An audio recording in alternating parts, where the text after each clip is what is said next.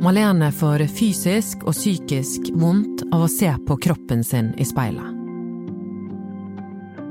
Hun har en diagnose som er mulig å helbrede, men det har hun ikke penger til. Jeg hadde sånn intenst hat mot kroppen min. Det verste var vel begynt da jeg var rundt sånn 20. Det var egentlig da jeg begynte å innse at jeg er sjuk, og jeg vet ikke hvordan. Det er jo egentlig ingenting som feiler meg. Du hører på Hva skjedde? Jeg er Anna Magnus.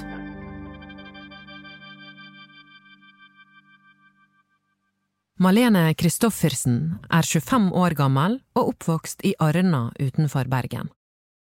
Det var spennende. Vi hadde det mye gøy, da. Jeg var en av de som var litt rebelske og hang en del på bystasjonen og sånt, da.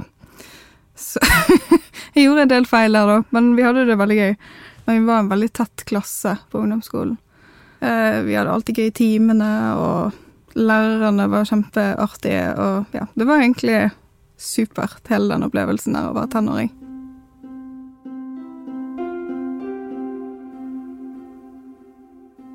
Jeg husker ungdomsskolen som en veldig usikker tid.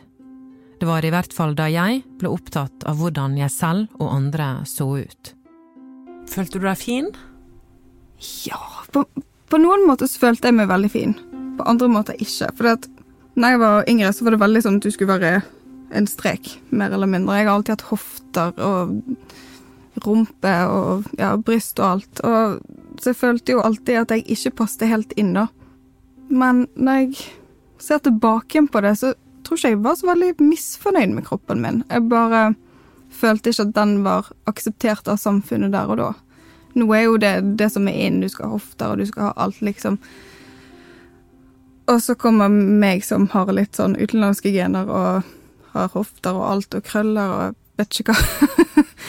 så det var kanskje litt annerledes uh, på den tiden, da. I oktober 2020 skrev Malene et debattinnlegg i BT som gjorde sterkt inntrykk på meg. Tittelen var Kvinnesykdommen ingen snakker om. Da Malene knapt hadde fylt 15 år, begynte det å skje. Begynner å ja, sakte, men sikkert legge på meg litt, da. La egentlig ikke så mye merke til det i begynnelsen. Var litt sånn her og der at oi, eh, den buksen var plutselig litt trang. Hvorfor det? sant? Jeg har gått med den i mange måneder. Skjønte jeg vel egentlig ikke helt det, for jeg, jeg har aldri vært en person som spiser veldig mye mat. Jeg har alltid spist sinnssykt lite. Til det punktet at pappa mer eller mindre kjefter på meg, for han mener at jeg burde ha spist mye mer enn det gjør. det. Og jeg har alltid likt grønnsaker og frukt og alt sånt. Jeg har alltid likt å være sunn, på en måte. Det er det jeg har lært opp til. Vi hadde jo aldri godteri. Det var jo mer epler og bananer og ja, pærer. Alt sånne ting som er sunt, da. Det var en sjelden gang at jeg tok meg en sjokolade, men det var jo bare Ja, det var veldig sjelden. Kanskje sånn en gang i måneden eller noe sånt. Altså Sakte, men sikkert kjente Malene at hun ble tyngre. Hun tenkte ikke så voldsomt mye over det, men en dag står hun og gjør seg klar og titter på seg selv i speilet. Herregud, hva er det som skjer med kroppen min? For jeg tror i prosessen at jeg ikke har klart å være ærlig med meg sjøl om hva jeg har sett i speilet. Jeg har vært så opphengt i det bildet av hvordan jeg så ut som 15-16-åring, at jeg på en måte ikke ville ha vært med på at jeg har blitt større. Når Malene tar av seg buksene og ser ned på beina sine, så synes hun at hun ser noe rart. Helt øverst på låret, rett før du kommer inn der med lysken, så sånn Der var det en bulk. Og jeg skjønte vel egentlig ikke helt hva den bulken var. Han føltes ikke annerledes ut når jeg tok altså i huden min. Altså, det føltes ut som at det hørte til, men det så veldig, veldig rart ut. Men selvfølgelig, når jeg hadde på meg stramme dongeribukser og sånt, så så man jo det ikke, da. på en måte så prøvde jeg vel å pakke det vekk og ikke tenke på det. Så jeg har aldri liksom klart å ta denne realitetssjekken, da. Prøvd å liksom bare legge det i kista og låse og kaste nøkkel. Ja, hva gjorde du, liksom? Jeg sluttet jo nesten å spise. På et tidspunkt så var det veldig ille. Og jeg gikk jo veldig mye da jeg var yngre. Mamma var ikke en sånn foreldre som hentet meg, med mindre det var krise, da. Så hvis jeg skulle noe, så gikk jeg jo alltid til bussen eller toget eller hvor enn det var. Følte liksom at jeg fikk ganske god trening ut av å gå ganske mye. Det er jo en bra form for trening, da. Og så bare begynte det å gi etter, sakte, men sikkert. Det er én dag som har brent seg fast i Malenes minne. Hun er på vei hjem til sin mor, som bor på toppen av en lang bakke. Den har hun gått tusen ganger før, men denne gangen klarer hun så vidt å komme seg opp. Noen måneder senere begynner hun også å få smerter i fingrene og armene. Du vet hvis du bærer noe veldig tungt veldig lenge Det føltes sånn ut bare at det kom etter to minutter. Så først så trodde jo jeg at det var noe i fingrene som gjorde det, da. Når jeg gikk på videregående, så fikk jeg jo mye senebetennelser i Spesielt i den ene armen, da. Så jeg trodde jo at det hadde noe med det å gjøre, da, på en måte. Men det gikk jo noen år før jeg på en måte stilte spørsmål sånn skikkelig med det, da. Malene forteller at flere i familien hennes har slitt med leddgikt. Derfor virket det ikke ulogisk at det var det som nå hadde rammet henne. Hun drar til legen og blir videresendt til røntgen, men de finner ingenting. Jeg gjorde jo egentlig ikke noe mer med det på noen år, da. Du lærte deg å leve med de smertene? Ja, på sett og vis. Det gikk jo på videregående og alt, det, fullførte da var jo ikke smertene begynt så heftig. Det verste var vel begynt da jeg var rundt sånn 20. Det var egentlig da jeg begynte å innse at jeg er sjuk, og jeg vet ikke hvordan. Det er jo egentlig ingenting som feiler meg. Malene starter på voksenlivet, men opplever mange smertefulle helseplager som hemmer henne i hverdagen. Hun får blant annet senebetennelse i hoftene, og før hun har fylt 25 år, har hun også måttet fjerne galleblæren. Hun føler livet er tøft, men likevel prøver hun å leve så normalt som mulig.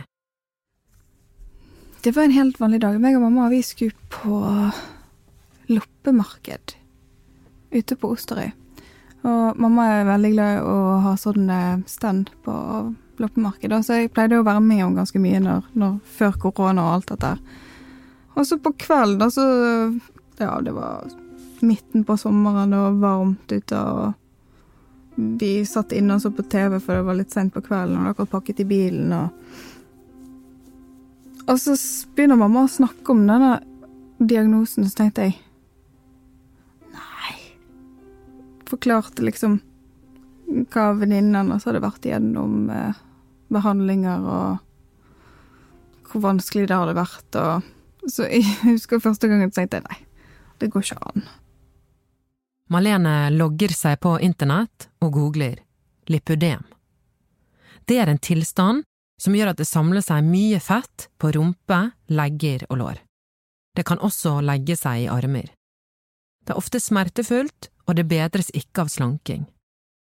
Hun scroller seg gjennom bildene på nettet. Jeg ser jo ikke sånn ut, men jeg gjorde jo egentlig det. Men jeg var sånn nei, nei, det der er ikke meg, det der er ikke meg. Så begynte jeg å lese opp symptomene og plagene med det, og så gikk det vel litt, så litt etter litt opp for meg at ja. Malene og moren tropper opp hos legen. De har bestemt seg for å ikke dra derfra før de har fått et svar. Fastlegen synes dette høres rart ut, og vil sende henne til overvektsklinikken på Haukeland. Men der setter Malene foten ned. Hvis jeg kom der, så kom de til å liksom ikke tro på meg i det hele tatt. Det, det, er alltid det jeg er redd for, at noen ikke skal tro på meg, spesielt når det kommer til helsevesenet i dag. Jeg var redd for at jeg kom til å bli stående fast i en sånn ring som jeg aldri kom til å komme meg ut av. De ikke kom til å tro på meg hvis jeg sa til dem hva jeg spiste, For at de på en måte skulle tenke at nei, hun gjør jo ingenting. Malene er sikker på at hun lider av tilstanden lipødem, men ingen kan hjelpe henne. En fysioterapeut bekrefter hennes mistanker, men fysioterapeuter kan ikke sette diagnose. Hun hører at mange har funnet løsningen i utlandet, fettsuging, med veldig gode resultater. Men det har ikke Malene råd til. Dette er kanskje en diagnose som har vært blant oss kjempelenge, som vi vet ekstremt lite om. Mm. Eneste de på en måte vet at det kommer av, er jo hormoner og genetikk. Og jeg har jo sett bilder av litt lenger ute i familien til pappa, da. Til sånn tidlig 1900-tallet, da det var begynt å komme skikkelige bilder og sånt. Og de var jo ikke små, alle de damene. Det var jo store damer, men de var jo flotte for de òg. Og jeg tenker jo det at det ligger der, da. Hvordan kan det ha seg at det så å si ikke fins noe behandling for denne tilstanden? Ifølge tall fra Norsk Lipødemforbund har den rammet over 20 000 kvinner i Norge. Men i Tromsø har de et regionalt tilbud. Jeg tar og ringer Inge Glambekk, som er overlege i generell og plastikkirurgi ved Haraldsplass diakonale sykehus. Hallo, det er Inge. Hei, Inge. Dette er Anna Magnus fra Bergens som ringer. Ja, måten er det, men, men det tilbudet er det jo ikke. Altså, nå har jo jeg slåss for dette her i ti år. Ja. Endelig begynner det å skje noe, men det går jo så langsomt. vet du. ja. Nesten alle sånne lipidempasienter har fått- bare fått beskjed av doktoren sin at de er bare overvektige, de er bare feit, du må gå igjen og slanke deg. Det kan de ikke. Dette kan ikke slankes på. Inge Glambekk forteller meg at det plastikkirurgiske miljøet i Norge gikk sammen for å lage en utredning om lipødem. Denne utredningen havnet på bordet til Helse- og sosialdepartementet februar 2020. Og de, de anbefalte da at det ble satt i gang et femårs forskningsprosjekt. Og forsøke å lage en objektiv, god forskning på hva er det som hjelper for lipødem, og hva er den riktige behandlingen. Og det vi gjør nå, det er å gå i gang med det forskningsprosjektet. eh, Og der har Haraldsplass fått rollen som eh, å lede det forskningsprosjektet i Norge. Fem år er lenge for Malene. Vi, er pålagt å gjøre dette som et forskningsprosjekt. Og da må det følge visse kriterier.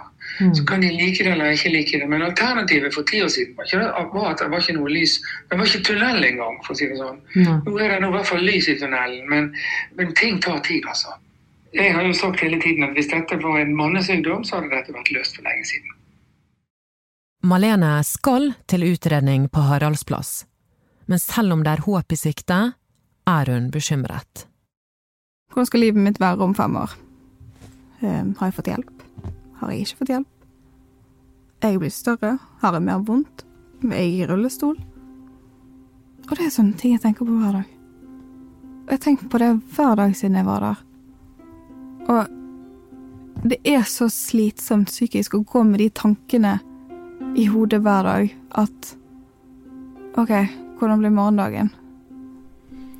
Hvordan håper du livet ditt ser ut om fem år? Jeg håper inderlig at jeg har operert inn det. Eller i hvert fall at jeg har begynt på det inn det. Og kanskje kan klare å begynne å jobbe igjen. Hva er det første vi gjør hvis du mister magaskinene dine? Så ta meg løptur.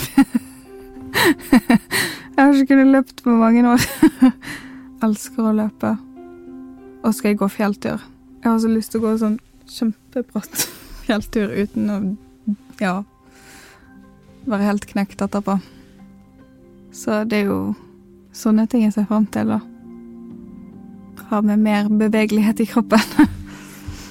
Og ikke drasse på alt det som vi drasser på nå, for det, det er tungt. Det er veldig tungt. Denne episoden er laget av Anna Offstad, Arve Stigen og meg, Anna Magnus. Takk for at du hørte på.